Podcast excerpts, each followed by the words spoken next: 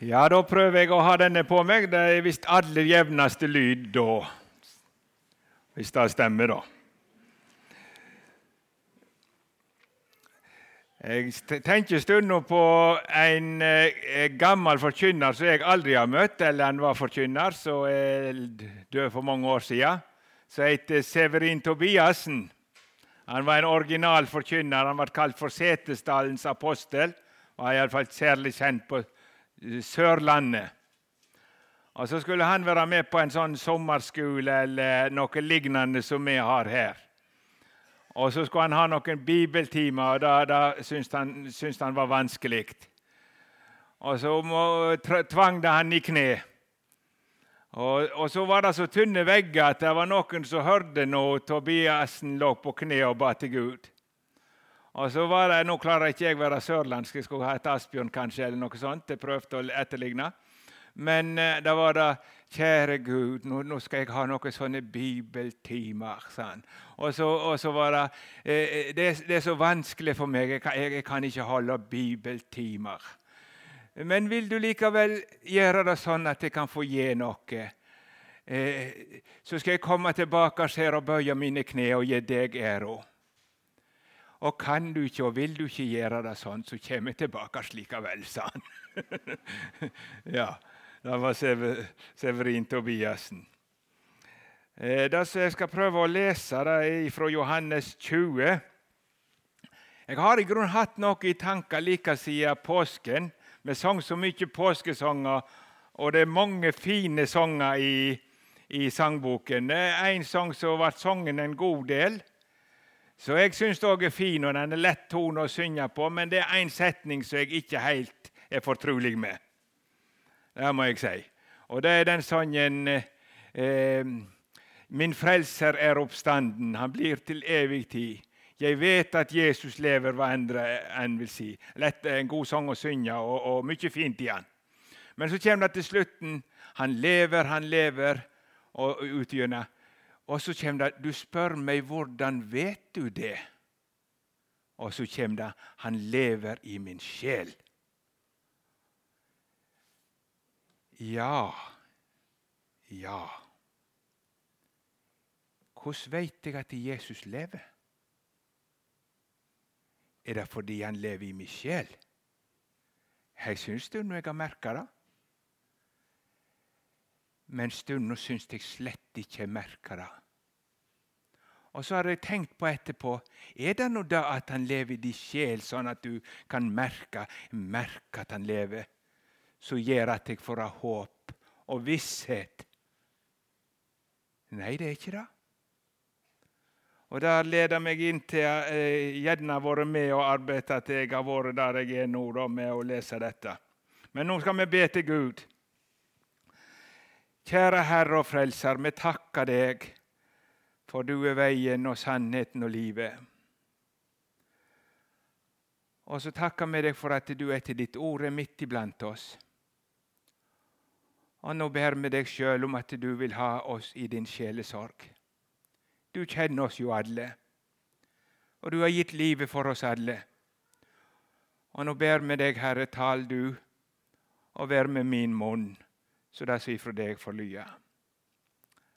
Amen. Ja, ifra Johannes 20, det er oppstandelseskapitlet.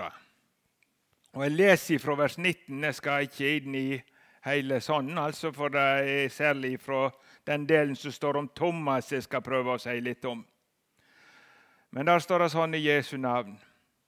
Om kvelden samme dagen, den første dagen i veka, var dørene stengde der læresveinene holdt til, av de de var redde jødene. Da kom Jesus og sto midt imellom de og sa, Fred være med dykk. Og da han hadde sagt det, synte han de hendene sine og sida si. Læresveinene ble glade da de så Herren. Atter sa Jesus til de, Fred være med dykk. Som Faderen har sendt meg, sender jeg dykk. Og da han hadde sagt dette, ånda han på de og sa, Ta imot Den hellige ånd. Tilgiv det noen syndene deres, da er de tilgjevne. Holder de fast for noen, da er de fasthaldne. Men en av de tolv, Thomas, det tyder tvilling, var ikke i lag med dem da Jesus kom. De andre læresvennene sa til han, 'Vi har sett Herren.' Men han sa til dem, 'Dersom jeg ikke får se naglemerket i hendene hans' og stikke fingeren min i naglegapet og legge handa mi i sida hans, vil jeg ikke tro det. Åtte dager seinere var læresveinene atter inne, og Thomas var sammen med dem. Da kom Jesus medan dørene var stengte. Han sto midt imellom dem og sa, 'Fred være med dykk'. Så sier han til Thomas, 'Rett fingeren din hit, og se hendene mine.' 'Og rett handa di hit og legg den i sida mi, og vær ikke vantruen, men truende.' Thomas svarer og sa til han, 'Min Herre og min Gud.' Jesus sier til han, 'Fordi du har sett meg, tror du.' Seler de som ikke ser, og enda tror. Jesus gjorde mange andre tegn òg for øynene på læresveinene, tegn som det ikke er skrevet om i denne boka. Men disse er skrevne for at de skal tru at Jesus er Messias, Guds sønn, og for at det ved trua skal ha liv i Hans navn. Det første jeg hadde lyst til å si, er at det er veldig spesielt å legge merke til de forskjellige evangelistene. Johannes, apostelen Johannes han skriver på sin egen måte. Gud, Guds ånd driver de alle. Det står at de hellige skriftene er blitt til at Den hellige ånd drev dem. Men likevel så brukte han de på deres spesielle måte. Og Når du leser Johannes, så er det merkelig. For det første så har jo senere i tid ørna vært symbolet på, på Johannesevangeliet. Han fer så veldig høyt. Fra evighet liksom begynner han. Høyt oversyn. Men så plutselig er han helt nede i noen detaljer. Helt enkle ting. Det er et øynevitne som skriver. Han har sittet han veit hva han skriver. Jeg eh, legger merke til det, noen enkle detaljer. Han behøvde ikke sagt noen ting om. F.eks. i det 21. kapitlet at det er mange fiskene 153 fisker. Han var der når de telte opp. Én, to, tre, fire. Ingen hadde kommet på skulle de dikta noe sånt og skrevet 153 fisker. Men det gjorde han, for han var der. Og Da skriver han òg i det 19. kapitlet, hvis det når det står der, de stakk han i et spyd, så skriver han eh, etterpå dette der. Og han som har sett det, har vitne om det. Og vitnemålet hans er sant. Han veit at han taler sant, så det òg skal tru. Så det er å legge merke til. Og Når jeg nevner dette nå, eh, hans måte å skrive på Jeg kan ikke si så mye om det så kan en bare vise til Matteus. Han har en helt annen måte å skrive på. Han hopper over masse detaljer og skriver bare hovedsakene i bruddstykket. Men han skriver detaljert om talene. Så hvis du leser i det 28. kapittelet hos, hos Matteus, så skriver han ikke i grunnen at de, disiplene fikk møte han i det hele i Jerusalem. Han hoppa like til Galilea. Og Hvis du ikke visste noe annet, så kunne du tenke at de hadde ikke sett han før de kom til Galilea. Han skriver ikke om noe annet. Og Da samla han det hele opp. Men de elleve læresveinene drog til Galilea, til det fjellet der Jesus hadde sagt han ville møte dem. Og de, da de fikk se han, falt de ned og tilba han, men somme tvila. Og så kommer misjonsbefalingen, som vi sier. Så Han har en veldig kort form. Han bare er så eh, i bruddstykket. Men han skriver om at det var noen som tvila. Johannes forteller inngående om hvordan det var med han som tvilte. Spesielt. Han skriver bare om at de fikk møte i Galilea. Men så skriver han hvordan det var når de møtte han. De falt ned for han og tilba. Så eh, På noen få vers har han gått gjennom alt med bare noen riss. Helt forskjellig måte, men begge deler er sant. Ja. Ja, ja. Det første jeg hadde da lyst til å understreke, er at eh, disiplene var samla. Og så kom Jesus og sto midt iblant dem. Og nå gjorde han det legemlig. Det skulle han gjøre for apostlene. Men han har sagt, og det er like sant, når vi samles i Hans navn, det vil si når vi samles om Guds ord, at Jesus er hensikt, grunnen til at vi samles, og ordet hans er det vi samles om. Da er Jesus midt iblant oss. Det er helt sikkert, for det har han sagt. La oss da regne med det at når vi sitter her, så er den usynlige, men like fullt virkelige Frelseren midt iblant oss. Og det er derfor det er så viktig å være på møte. Jeg treffer mange kristne. Jeg er jo kristen, men jeg er ikke sånn som må gå på møte hele tida, sier de.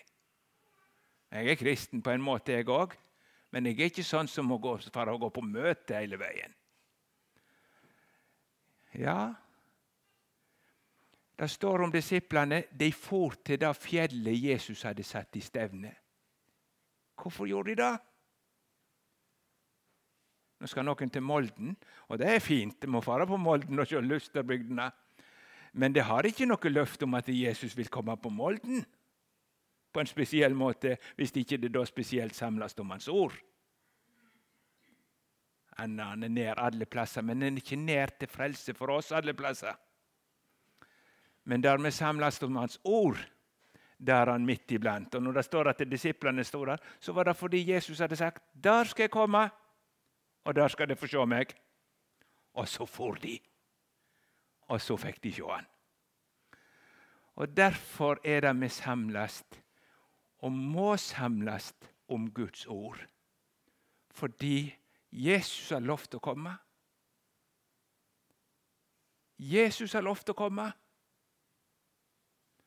i sitt ord og ved sin ånd, så vil han komme og ta seg av oss med alt vi trenger.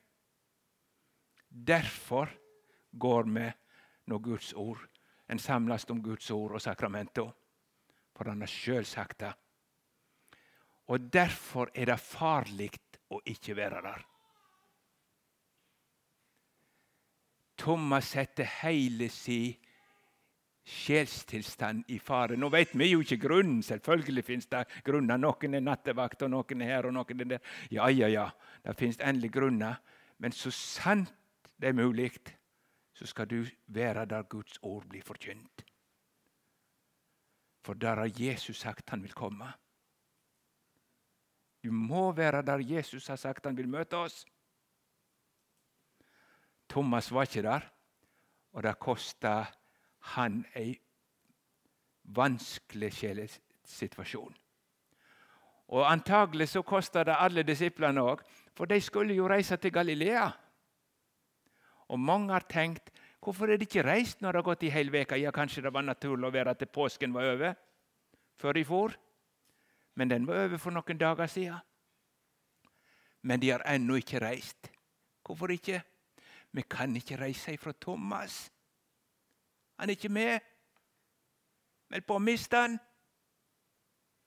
Og så hindrer de hindrer Thomas Guds folk på reisa. Ja, hva kan si det. Så det er noe med å være likegyldig med samlingen om Guds ord. Det er farlig. Jeg mener ikke at jeg vet at Thomas var der. Det kan være noe helt annet som gjorde det. La nå det være ukjent for oss, men det minner oss om saken. Ja. Så vil jeg si litt om tilstanden som disiplene var i når Jesus var død. De var jo blitt overbevist om at Jesus var deres frelser, at han var Guds sønn, Peter hadde sagt og bekjent på vegne av de alle du er Messias, den levende Guds sønn. Og Derfor var hele deres framtid og evighet bygd på Jesus. Men de forsto så lite. De hadde ikke forstått dette med korset sånn som det enda det står i Skriftene. Og De hadde ikke forstått dette med oppstandelsen. Tenk om de hadde trodd Skriftene. Så hadde de sagt tidlig den tredje dagen nå må vi ut og se når Jesus står opp igjen av grava. Men det gjorde de ikke. Nei, de hadde ikke forstått det. Og nå har jeg lyst til å si det er ikke at du forstår alt som gjør at du er et Guds barn, men at du ikke kan være uten Jesus. De var hans. For Gud hadde gitt dem den tro at Jesus er mitt eneste håp. Men det var så mye som var skjult for dem. Det var så skjult. Og når Jesus blir krossfesta, da rakner det for dem. Da går hele håpet unna. Så de veit ikke si armer råd. Jesus er vekke. Jesus fins det ikke mer. Det er det samme som du skulle våkne over en drøm og så få vite at alt det med Jesus er bare et eventyr. Det er ikke noen ting. Så du ser litt disiplene, når disse der to som var på vei til Emmaus, så går de og prater og alt det som hadde skjedd. Og vi som trodde det var han som skulle løse ut Israel. Vi hadde trodd det, vi. Og nå er han vekke. Og I tillegg så hadde de den skamma at de hadde svikta den beste de hadde møtt. Det siste de hadde gjort, var å svikte han så satt de der i elendigheten og visste ikke si armer råd. Og Derfor skal det ikke så lett tenke at det var eventyr med hører om. Var det noen som var tilbøyelig til å gi opp alt sammen disiplene var? Og det var veldig vanskelig for å få dem til å tro at Jesus var stått opp. Når kvinner kommer og forteller om englene og Maria Magdalena Kvinnfolk kan ikke stole på dem. De er overspente og helt forstyrra. Det hjelpte de ikke. Det er bare én som trodde før han møtte Jesus, og det er Johannes. Johannes går det opp for når han går inn i grava og ser hvordan det ser ut. Da forstår han. Han er sannelig stått opp. Han så og trodde. De andre kom det seinere. Men du, for en stund, når Jesus står i salen, og de forstår det er Frelseren. Det er ingen drøm. Han er stått opp og så naglemerkene de skal komme tilbake til. Og alt sammen. Og det går opp for dem. Det er sant. Og Jesus vil ha oss. Og han kommer med fredshelsing til oss. Tror du det var forandring med dem når de da Ja. Jeg nevnte Severin Tobiassen. Han hadde snakket om Emmaus-vandrerne en gang. Og da når mm, eh, de hadde kommet fram, og så fikk de se Jesus, så glemte han seg helt vekk. Og så sier han og da heiv de seg på syklene og for tilbake til Jerusalem, så de lå flate i svingene, sa han. For at da var det kommet liv i dem når de hadde fått sett at Jesus levde. Kan du tro en glad flokk, altså? Så Thomas hadde ikke møtt noen likegyldige vitner. De kom strålende imot han. Det var en ny flokk.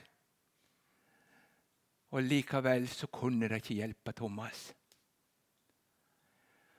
Thomas er en Det er fint å se disiplene var så forskjellige. Jeg nevnte for en Eh, eller vi samtalte på etter etterpå møtet, at det var en som kom eh, til en kristen sjelesørger og så sa han, jeg syns jeg er så tung og treg. Jeg ser på den og den, sa han, og de er så levende og sprudlende, og jeg kjenner meg så tung og treg. Jeg skulle ønske jeg kunne være litt mer sånn. Så tar han bort til glasset, og så ser han ut. Og Der sto det ei gran, sånn som her, og så sto det ei osp. Og dere vet hvordan ospa er når det er litt vind. Full i liv. Alt beveger seg. og gran og tung og treg. Du, se, du synes du er så den grana, sier han. Ja, akkurat sånn. Tung og treg. Se oss på! Hun lever. Og så sier denne sjelesørgeren ja, de oppfører seg litt forskjellig alt etter hvordan de er lagd og skapt. Men det er den samme vinden som blåser gjennom dem. Og så prøvde han å hjelpe han. Men vi ser at disiplene var forskjellige. Og Thomas han er en, sånn som vi får inntrykk av, en grubler. Han er ekte. Eh, han, det han er, det mener han helt. Men han er en grublertype. Så kanskje når Satan bruker tvilen, så er det kanskje aller best for sånne. Og så ser vi forskjellige ganger. Når Jesus skal tilbake og vekke opp Lasarus eh, Når Jesus venta de to dagene det står at han venta ennå i to dager før han for, så skyndte ikke disiplene noe særlig på. for de hadde... Men når Jesus skal reise, så sier de 'Reiser du der nå igjen?' De vil jo drepe deg. Så de var bare glad han ikke var i Jerusalem. Og, men så sier Jesus 'La oss nå gå, så skal jeg gå og vekke han. De forstår fortsatt ikke. Og så sier Thomas 'Vi går med han så vi kan dø i lag med han'. Eh, det var mørkt, altså. Men han var nå heil i sitt hjerte. Jeg går med han, og for, så blir det døden. Eh, så Thomas er en sånn Ja, han går og grubler, tenker. Og så syns han det blir vanskelig. Og Han hadde jo sett sitt håp til Jesus, og hadde alt hang på Jesus. Og når Jesus var vekke, så dette han så djupt ned i et hull. Og kom seg ikke opp etter hullet. Det er ikke sant. Det er feil. Og så når disiplene kommer så glade, ja, hva har Thomas sagt? Ja, det er lett å lure, men jeg går ikke på sånt. Og så lover han dem at skal jeg tro noe sånt, så skal jeg ha fakta. Jeg skal ha fingeren i naglgapet og hånda i sida hans. Jeg går ikke på noe synsbedrag. Og så går han der. Og de andre prøver å hjelpe han, og du kan tro det har vært ei uke. Og Thomas Nå er det sånn at eh, Jesus kommer ikke til å komme legemlig til oss. For det skulle han først og fremst gjøre til de første vitnene, apostlene. Og Da er det, er det sagt at det er tre måter å være vitne på. Først er det Jesus. Han er det troverdige vitnet. Jesus er det egentlige vitnet. Han har vært hos Faderen, han kjenner alle ting, og han taler sannheten. Og Så kommer apostlene, som Jesus har sett til å være de første vitnene. Og til å være de som skal være grunnvollen i den nye Jerusalem. Så alt som er av levende kristendom på denne jord, det bygger på apostolisk grunnvoll. Profetene og Skriftene. Og Jesus han ber for de tolv, og så sier han etterpå og ikke bare for disse, men de som ved deres ord kommer til tro på meg. Så det fins ikke en måte å komme i samfunn med Jesus uten gjennom apostlene sitt ord. Så de er vitne nummer to. Og Derfor skulle alle som var apostler, de skulle møte den oppstandende. Det gjorde Paulus på en særlig måte. De andre opplevde hans oppstandelse og møtte Jesus etter oppstandelsen.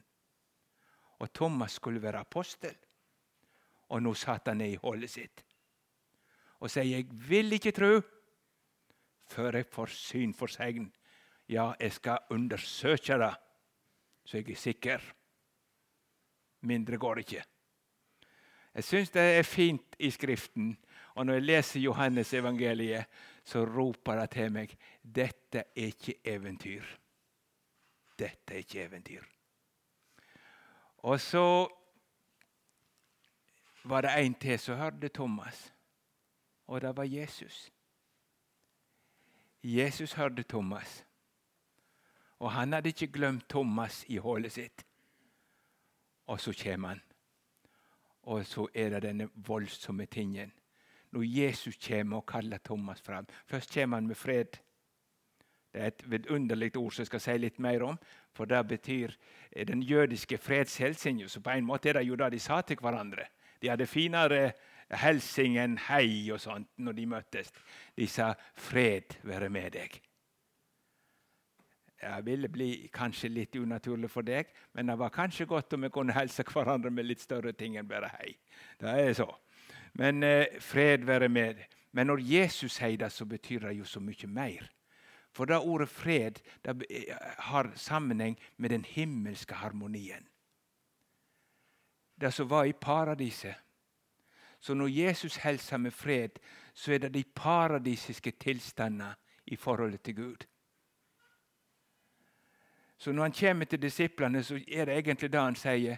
Nå kommer jeg med paradisets tilstander i forhold til Gud. Det er i orden. Det er godt igjen, alt sammen. Skal jeg, jeg, skal nevne litt om det sida. Men først var det Thomas, da. Og så står Jesus der midt iblant dem, og Thomas ser. Og så kommer ordlyden at Thomas hadde sagt, 'Kom, Thomas'. Han kommer ikke. Jeg er overbevist, han trengte det ikke. Så går det opp for Thomas at det er sant. Jesus ikke bare lever, men han visste om meg i mitt mørke og glemte meg ikke. Og så kommer han til meg og reiser meg opp igjen. Og så bryter han ut i denne store bekjennelsen. Min Herre og min Gud. Og da sier han til Jesus.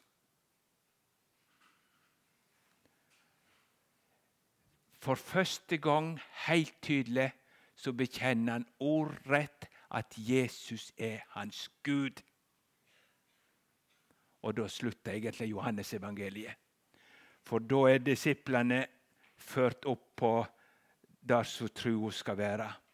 At jeg skal få lov å forlate meg på Jesus som min Herre og min Gud. Noe mindre er han ikke.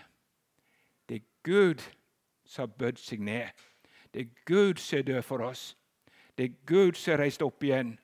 Og det er Gud som han hadde med å gjøre. Vi så hans herlighet. Og så er han reist opp igjen til et oppstandelsesvitne. Men så sier Jesus, 'Fordi du har sett meg, tror du.' Salig er de som ikke ser, og dog tror. Likevel tror. Og Da viser Jesus til den tilstand som nå kommer. Nå skal Jesus opp i himmelen og kommer ikke til å åpenbare seg legemlig på jord. Men ordet hans, oppstandelsesvitna sitt vitnesbyrd, det skal ut. Og så skal du få det samme som Thomas fikk et pålitelig vitnesbyrd om at Jesus er stått opp igjen og har fullført frelsesverket og er nok for liv og evighet for alle som tror. Å, hvor godt det er. Det er ikke fordi jeg kjenner det i mitt hjerte, men det er sant.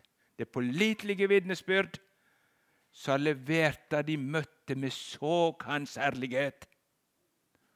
Og dette skriver vi fordi det òg skal samfunn med oss, sier apostelen i det første brevet. Johannes, Johannes, altså. Ja, så nå er det oss det gjelder. Og nå skal vi vite både at Jesus står midt iblant oss Salige de som ikke ser, og dog. Og at han kommer til de som er kommet til han i trua, og så sier han Fred være med dykk. Fred være med dykk.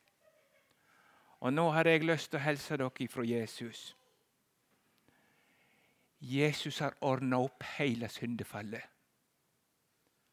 Han har utsletta syndene deres. Og når Jesus da viser naglemerkene, så er det kvitteringen på at det er ordna.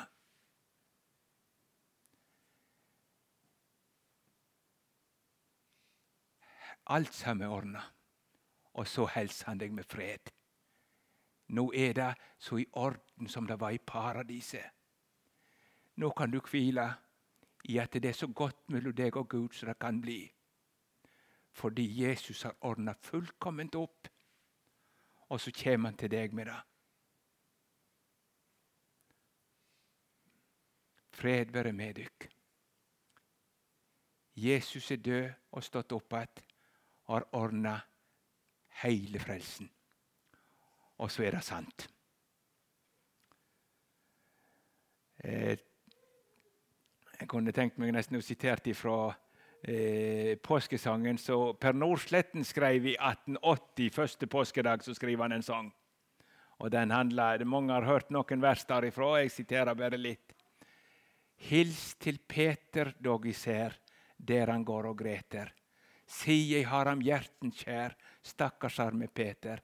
Si ham at gjelden er betalt, det er tilgivet at han falt. Si at jeg har glemt det alt. Jesus elsker Peter. Og så sier han videre. Er her noen sjel i dag som Maria Greter? Noen som hvis sjelesak er så slem som Peters? Kom nu med din synd og nød i din frelsers favn og skjød. Jesus selv Maria bød, bringe denne hilsen. Men så er det til Thomas òg. Du som har kommet ned i hullet og jeg, jeg, har vært borti det og smakt på det, men jeg har sluppet stort sett den tvilen om det er sant, dette med Gud i det hele. Men jeg har vært borti det. Og hvor godt det er at det hviler ikke på meg og mine følelser om det er sant. Det har skjedd, og det er bevitna i historien av folk som kunne dø for det etterpå, og til og med av en stakkar som nekta å tro før han fikk undersøke. Thomas, oppstandelsesvitne. Jeg vet ikke hvor det var. De mener vel Thomas ble martyr i India. Tror jeg kirkehistorien mener. Han som sa 'jeg skulle aldri tru'. Han var like til India med evangeliet, og da ble han vel skutt av piler, tror jeg. Etter, ja, Vi vet ikke hvor pålitelige de er da. Da må jeg nå ta med. Ja, Så kommer han til deg og sier det er sant. Det er ikke klokt uttenkte eventyr vi kunngjorde dere. Men vi har vært øynevitne til hans storhet. Våre øynevitne. Hvis det var noen som kunne tvile, ville, Paul, ville Thomas sagt, så kunne jeg. Men Jesus overvant meg. Og så ikke bare at det er i orden, at det er sant, men hva det betyr. Gudsforholdet deres er gjenoppretta. Syndene deres er betalt. Forlatelse er vunnet. Og det er jo ikke bare for de troende, sånn som jeg sa på en måte. Det er gjort for alle.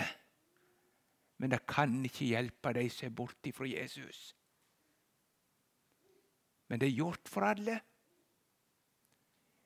Det var så fint her på bibeltimen når han eh, siterte fra Zakaria at han skulle ta landets misgjerninger bort på en eneste dag. Store Gud. Så går Jesus for alle inn i helligdommen og finner ei evig forløsning. Finner utløsning fra syndene for evig for alle. Og Derfor kan han fullkomment frelse de som kommer til Gud ved Han. Det kan han. Og så kommer han altså til deg, hvor du nå enn har det. Der synden ble stor, ble nåden enda større. Jesus har fullkomment utsletta òg for deg. Og han har kvitteringen, naglemerkene, og så kommer han med fredshelsing. Nå tok Jesus med seg kvitteringen og for inn i himmelen, og så står han for Gud. Så Gud natt og dag ser i Jesus hår. Synden er utsletta.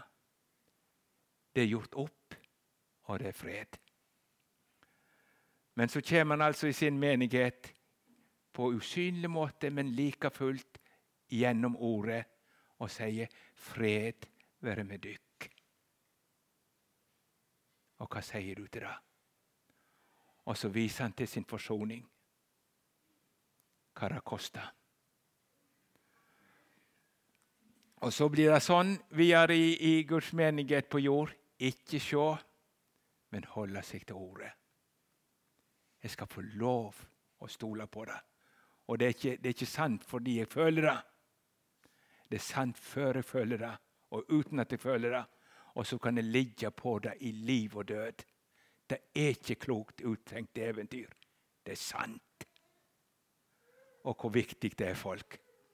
Og For min del så henger det Det står jo i Romerbrevet at, eh, at Jesus er Guds sønn. Det ble bevist ved hans oppstandelse fra de døde. Så der henger så uendelig mye. Er ikke Jesus oppstått, så er det eventyr. Og så er det ingen synsforlatelse, og så er det ingenting som ordner. Og så er vi de ynkeligste av alle mennesker, for vi bygger vårt liv på et eventyr og en drøm. Men nå er Kristus oppstått. Det er sannhet. Du kan forlate deg på deg i liv og død. Og vitnene de for til slutt alle sammen, Thomas med, til Galilea. Og Der fikk de se han igjen, og så fikk de misjonsbefalingen. Men Herren Jesus tok seg av den saken. Så nå får det vitnesbyrdet det er akkurat det samme. Jeg satt og tenkte på noe annet òg. Det var at eh, det er noen som forkynner tegn og under, så det er noe som skal foregå liksom kontinuerlig. Og nå er det ingen tvil om at Herren kan gjøre under. Da har han ikke problemet. Men det er liksom ikke sånn at det, det er underet som skal holde deg i tru. Så hvis du ikke ser det skjer noe under, nei, da begynner alt å bli usikkert. Det var jo ikke sånn at det, eh, Moses og israelsfolket gikk gjennom Rødehavet hvert år. Det gjorde de ikke. Og de, de, opplevde ikke dette i Egypt med dødsengelen og lammet hvert år. Nei, det skjedde én gang, og så ble det forkynt for etterkommerne så de kunne vite det og være uten unnskyldning om de avviste det. Og Sånn er det med Jesu oppstandelse og, og det som har hendt. Du får ikke se han sånn som Thomas, men du får vite om hvordan Thomas ble overbevist. Og Guds ord og ånd vitner med, så du kan vite det er sant. Det er sant. Jeg trenger ikke tvile jeg mer enn Thomas de som ved deres ord kom til tro på meg. Ja, det var i grunnen dette jeg hadde på hjertet i dag. Fred være med dykk. Og så kommer han med den himmelske harmoni. Og det er så godt når Jesus forkynner. Det et syndig menneske som svikter og kjenner seg både ett og hit og full av elendighet. Og så kommer han og sier det er i orden. Jeg har ordna alt sammen. Og se hva det kosta. Og så viser han til sin blodige død på korset, der han gjorde grenseløs opp for hele slekta. Og så kommer det til oss i Guds menighet. Det er til deg. Det er til deg. Har du mange synder, Jesus deg forkynner, gjelden er betalt. Her er ingen vrede, nåden den er rede som utsletter alt. Jesu død og at han brøt gjennom Satans vold og vrede, det er for deg jo skjedde. Det er til deg. Det er til deg. Og så synger brorsan videre. Eh, derfor alle vegne kan du deg til egne med trøst imot. Jesus for meg døde, for min synd og brøde og gjenoppstod. Grip kun til, han gjerne vil være din med hva han eier, med sin død og seier. Så da får jeg være en sånn eh, Dette har jeg fortalt mange ganger, men jeg, nå, nå, nå, er jeg nå iallfall mellom 50 og 60, og da har jeg jo lov til å begynne å ta opp igjen lite grann. Og Da kan jeg eh, fortelle de første plassene der de brukte evangel ordet 'evangeliet' utenom kristen sammenheng. Det var når to folk lå i krig med hverandre. Eh, så sendte de ut hærene sine, og så braker det løst. Og så sitter noen hjemme i landsbyen. Taper vi, så er vi slaver. Rov, bytte, kanskje bli drept. Vinner vi, så er vi frie. Og så sitter de der og er så spente. Hvor går det med saken? For de var ikke i stand til krigen sjøl. Men de måtte lite på de som var reist i krigen. Og når den ene hæren hadde vunnet, så utkåra de, eller hadde de klar den raskeste langdistanseløperen de hadde. Og han skulle springe hjem med beskjed til de som satt og venta. Vi har vunnet. Det er frie. Og veit du hva de kalte han for? De kalte han for evangelist. Det syns jeg har vært veldig godt å tenke på. Det er altså han som kom fra slagmarka med budskap om at vi er fri. Det er ordna. Fienden er knust. Og det er det som evangeliet i sin sum. Vi har en som har gått i striden for oss. Jesus. Han tok på seg å stri for oss syndige mennesker og ordne opp at alt sammen. Han setter oss helt til side. Du er ikke gagnet til strid. Du kan sitte i landsbyen. Og så kommer beskjeden fra slagmarka. Nå er det frie. Vi har vunnet. Jesus vant, og jeg har vunnet. Og så skal du få lov å tro at du var med. Jesus vant for deg. Han har utsletta syndene dine. Han har gjort det godt igjen med Gud. Han har oppfylt de krav som Gud hadde på deg. Og så skal du få lov å tro gledesbudskapet. Jeg er fri. Det er fred mellom meg og Gud. Nå er vi frie, hør og jakt. Synden på verdens frelser er lagt. Gud nu forkynner nåde for synder. Amen. Halleluja. Jesus, jeg har lyst til å takke deg for Golgata. Og takk for det ordet vi har òg om Thomas, som var kommet i den tilstand at han sa uten at jeg får se opp, kjenne, så vil jeg ikke tro. Og så visste du råd med Thomas, og så ble han et vitnesbyrd om din store makt. Og så har vi fått del i dette vitnesbyrdet for at vi òg skal ha del i samme tro. Jeg vil prise ditt navn, Jesus. Og nå ber jeg deg at du holder oss fast i ditt navn inntil enden at du er Messias, Guds sønn, og at vi tror på deg har liv i ditt navn. Amen.